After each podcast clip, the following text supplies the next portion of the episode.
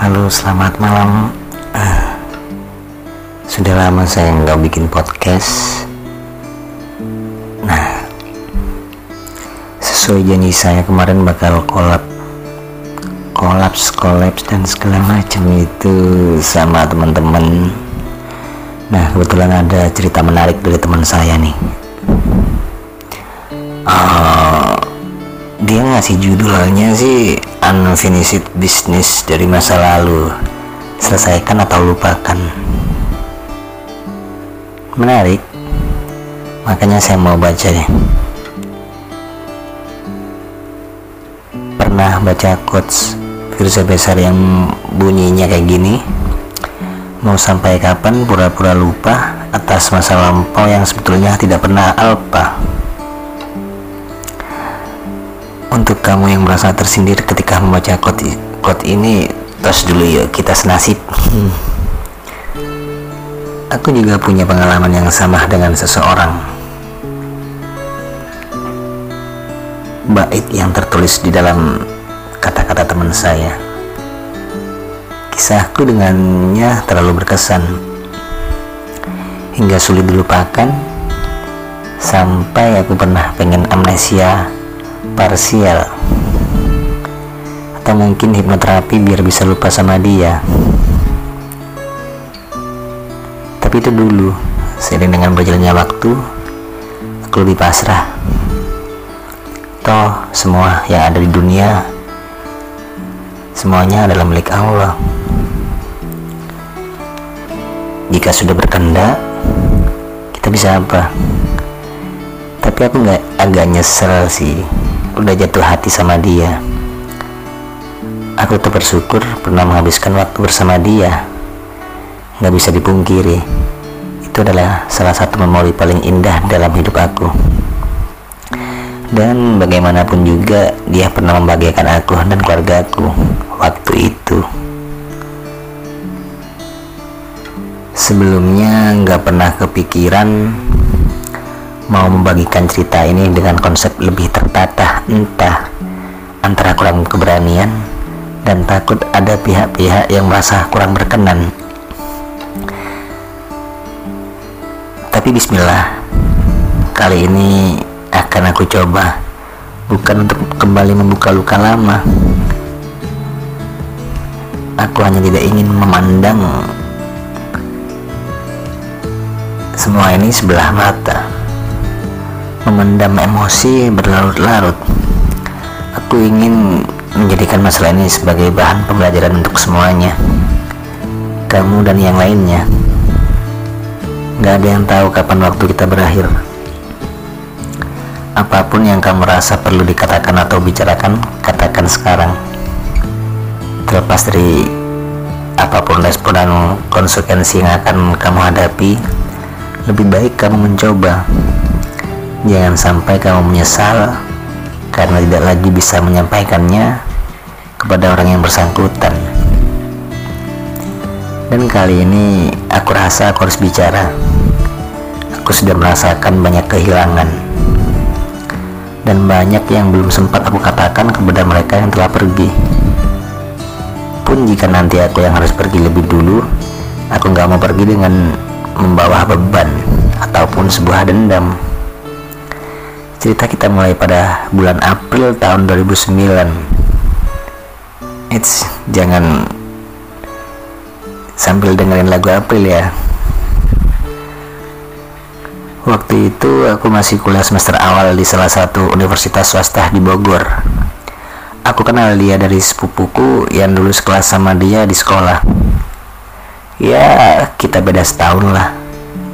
Waktu itu dia masih sekolah kelas 3 di sebuah SMK pariwisata di Bogor. Nggak tahu awalnya gimana bisa suka aja gitu sama dia. Kita pacaran juga nggak ada tembak-tembakan. Tiba-tiba udah nentuin tanggal jadian di 15 April. Absurd kan ya tapi lucu. Semua berjalan dengan semestinya. Dia manis banget waktu itu Aku sangat suka cara dia memperlakukan aku dan adik-adikku. Sampai mereka jadi ikut manja sama dia. Ah, pokoknya sempurna lah waktu itu hubungan kita dia itu nggak tergantikan kadang kita jalan bareng mereka atau cuman ngabisin weekend di rumah bareng mereka sesekali aku yang main ke rumahnya aku masih ingat betul waktu bantuin acara di rumahnya di rumah neneknya. Nemenin mamanya nonton drakor ngobrol sama bapak dan kakak-kakaknya sampai ngasih surprise buat kakaknya yang cowok waktu itu dia ulta banyaklah hal indah yang udah aku lewatin bareng sama mereka. Buat mereka mungkin semua itu biasa aja. Tapi buat aku berkesan banget karena aku baru pertama kali bisa sedekat itu sama keluarga pacarku. Hmm, malah aku juga sampai kenal sama mantan pacar kakaknya. Nah kalau kita mau ngedate biasanya kita saling gantian bayarin. Pasti di era sekarang ini jarang banget ada yang kayak gini ya kan? Kalau aku beli tiket nonton dia beli makan. Begitupun sebaliknya kalau lagi nggak punya uang ya kita diem aja di rumah. Kebetulan aku tipe cewek yang nggak mau terus terusan dibayarin sama cowok. Dan pada saat itu walaupun aku masih kuliah aku dapat uang bulanan dari papaku. Di masa-masa awal perkuliahan aku tuh aku nggak terlalu menonjol dalam pelajaran. Aku nggak punya banyak teman. Aku nggak ikut organisasi apa pun. Aku ngejalanin juga setengah hati karena jurusan yang aku ambil tidak sesuai dengan pilihanku dulu. Dulu aku ingin sekali menjadi guru bahasa Indonesia. Tapi papaku bilang kamu masuk jurusan manajemen aja biar gampang jadi kerja dan biar seperti papa. Mamaku juga bilang nggak susah kok kalau udah dijalanin. Ya udah akhirnya aku ambil jurusan itu walaupun ternyata aku nggak bisa meraih IPK di atas tiga pada semester awal sih. Lalu mama aku bilang tuh kan mama yakin kamu masih bisa. Setelah pacaran sama dia aku jadi lebih termotivasi untuk belajar. Bayangkan seorang Niken yang pernah suka pelajaran hitungan dan tidak menguasai akuntansi bisa mendapatkan nilai A di manajemen sistem biaya dan manajemen akuntansi yang dosennya terkenal pelit dan killer dan yang dari kecil jarang banget ikut lomba tiba-tiba bisa dapat juara dua manajemen. Jalan siang sayangannya teman-teman angkatan dan senior-senior. Aku masih ingat dia berdiri lalu tepuk tangan ketika nama aku disebut. Oh iya makasih selalu nemenin aku. Di tahun berikutnya dia nggak bisa nemenin karena kerja. Tapi aku dapat juara satu lebih membanggakan lagi kan singkat cerita dia lulus sekolah dan beberapa bulan setelahnya keterima kerja di sebuah restoran berbintang dekat blok M. Di malam hari pertama dia kerja aku terbangun dan tiba-tiba nangis. Nggak tahu kenapa. Aku senang aja dia keterima kerja. Lebay nggak sih? Iya aku aku akuin lah waktu itu aku lebay. Tapi pernah nggak sih kamu meneteskan air mata bahagia buat orang yang kamu sayang? Saat itu, itulah yang aku lakuin sambil mohon sama Allah supaya melimpahkan semua kebaikan untuknya dan supaya Allah berkenan menjaga dia. Ujian hidupku dimulai ketika mama jatuh sakit dan pekerjaan papa bermasalah. Ekonomi keluarga kita berantakan, aku down, segala ketakutan dan pikiran buruk mulai bermunculan tapi selama dia di sampingku aku tenang lalu dia cerita ada seseorang yang suka sama dia karena beberapa hal. Aku cuma bilang selama kamu nggak nanggepin aku nggak apa-apa. Lanjut di tahun 2010 akhirnya mama dipanggil Allah. Sehari sebelum ulang tahunku ke-20 aku kalut. Dan aku yang sakit stroke selalu teriak memanggil-manggil namaku mamaku. Adikku sendiri pingsan sampai lima kali. Dia, mamanya, dan kakak perempuannya datang. Sungguh saat itu aku bersyukur sekali memiliki mereka. Terlebih setelah adikku bercerita bahwa di hari itu mamanya juga mengusap kepala adikku. Setelah beberapa hal yang terjadi di antara kami, kami memutuskan untuk berpisah di pertengahan tahun 2011. Tentu aku sempat meminta dia untuk tinggal, tapi apa, apa mau dikata, bukan aku yang membuat dia bahagia. Dia tetap memutuskan buat pergi bersama orang yang dia ceritakan dulu. Tiga hari setelah dia pergi, bapakku menikah lagi. Dalam setahun aku kehilangan orang-orang yang aku sayang satu persatu. Aku jatuh, hancur dan berantakan. Kamu tahu bentuk sempurna sebuah lingkaran? Nyawaku seperti tinggal seperempatnya. Belum lagi aku tinggal di sebuah lingkungan di mana komentar-komentar ya racun semualah. Dan itu sering bermunculan. Aku berubah, nggak seperti dulu. Tapi tapi demi janjiku pada almarhum mama, Aku berusaha tetap tegar,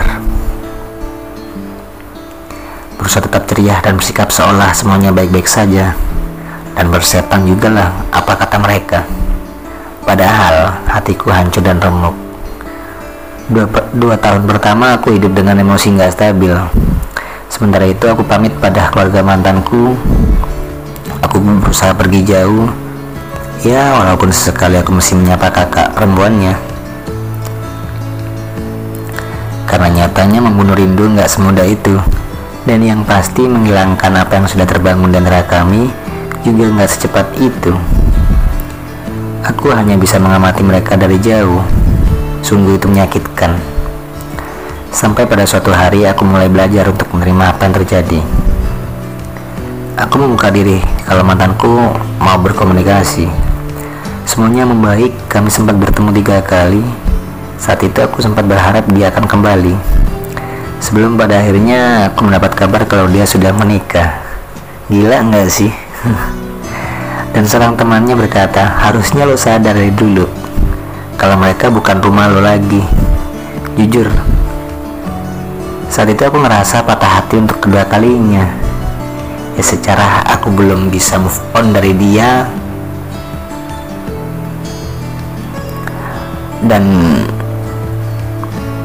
apa ya yang muncul di dalam benakku lalu yang kemarin itu maksudnya apa? Kenapa dia selalu datang dan pergi semaunya secepat itu kah dia melupakan aku dasar cowok bukan cuma hatiku yang bata adik-adikku masih menganggap dia yang terbaik hingga ketika aku mengenalkan orang lain beberapa dari mereka berkata aku cuma maunya sama mas itu dia yang paling baik Sementara tanteku bahkan ikut menangis.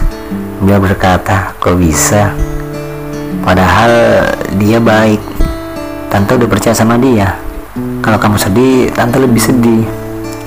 Aku cuma bisa diem. Nangis. Sementara dia yang sedangkan perdebatkan entah sedang memikirkan apa. Kelihatannya dia senang. Atau mungkin sebaliknya. Entahlah. Aku enggak menerka-nerka. 8 tahun lamanya aku menyimpan semua pertanyaan itu sendiri. Aku berusaha move on menyibukkan diri dan memulai hubungan dengan orang lain. Tapi ingatan tentang dia nggak pernah hilang. Kadang aku bisa memimpikan dia. Biasanya aku cerita ke sepupu. Dia bilang, emang ada yang belum selesai. Harusnya kalian berdua tuh ketemu. Dia ngomongin. Dan jawabanku selalu iya sih ada yang masih ngeganjel tapi gimana caranya ya udahlah nggak usah toh dia juga di sana kayaknya bahagia-bahagia aja malah udah lupa kali sama aku. Sampai tahun lalu aku harus dimutasi ke perusahaan lain dan pindah kantor di Bintaro. Butuh waktu lama buat mutusin aku menerima mutasi ini atau resign dan cari pekerjaan yang baru. Kenapa? karena kantorku yang baru deket banget sama rumah kakaknya. Yang aku pikirkan waktu itu kenapa sih udah susah-susah menghindar berusaha lupa Allah masih aja malah ngarahin aku ke hal-hal yang bikin aku ingat sama dia lalu karena suatu hal dan dia berkomunikasi kembali dan barulah dia bercerita tentang apa yang dia rasakan selama 8 tahun ini dia sempat mengajakku bertemu untuk membicarakan semuanya sementara aku Aku nggak mau menuntut. aku serahkan semua keputusan kepada dia. Walaupun sampai hari ini, karena satu hal dan lainnya, kami belum bertemu. Karena sulit sekali mencari pekerjaan di saat seperti ini, akhirnya aku menerima mutasi tersebut dan coba tebak siapa yang menyemangatiku. Kalian tentu tahu, kakak perempuannya. Sementara kakak laki-laki dan saudaranya yang lain malah mengundangku untuk main ke rumahnya. Aku merasa bersalah karena pernah menjauh dari mereka dan mereka sama sekali nggak ada sangkut pautnya dengan masalah kami. Jadilah seminggu pertama aku bekerja di kota yang mengharum biru itu. Kerja jadi kurang produktif. Kadang-kadang tiba-tiba nangis cengeng. Ah maafin aku ya aku sayang kalian. Selama ini aku pikir aku sudah tenang. Ternyata aku salah Aku hanya pura-pura lupa dan menghindar dari semua yang berhubungan dengan mantanku. Terus berlari seolah nggak punya pilihan. Walaupun mungkin aku berhak mendapatkan sebuah penjelasan sih. Tapi aku cuma bisa diam. Aku pasrah. Pun kalau akhirnya kita nggak jadi ketemu dan semua pertanyaanku nggak terjawab. Asal dia bahagia. Jujur, aku nggak apa-apa. Sebenarnya semua memang harus selesaikan biar nggak terus menerus jadi bahan dalam sekam. Yang sewaktu-waktu panasnya akan terasa juga ke permukaan. Tapi aku nggak tahu aku sudah siap ketemu dia lagi atau belum. Setelah enam tahun lamanya nggak ketemu aku juga nggak tahu udah siap mental atau belum. Buat bicarain semuanya aku masih belum tahu apa yang akan aku lakukan ke depannya. Sejauh ini Aku cuma bisa mendoakan dia dan keluarganya karena aku terlalu sayang sama mereka. Nah, itu cerita menarik dari salah satu kawan saya yang meminta saya untuk membacakan di podcast saya. Terima kasih buat Anda dan semoga lekas berlalu, semoga urusan dengan masa lalunya segera selesai lah. Sampai jumpa di podcast berikutnya dan kolaborasi bersama kalian yang lain. Terima kasih.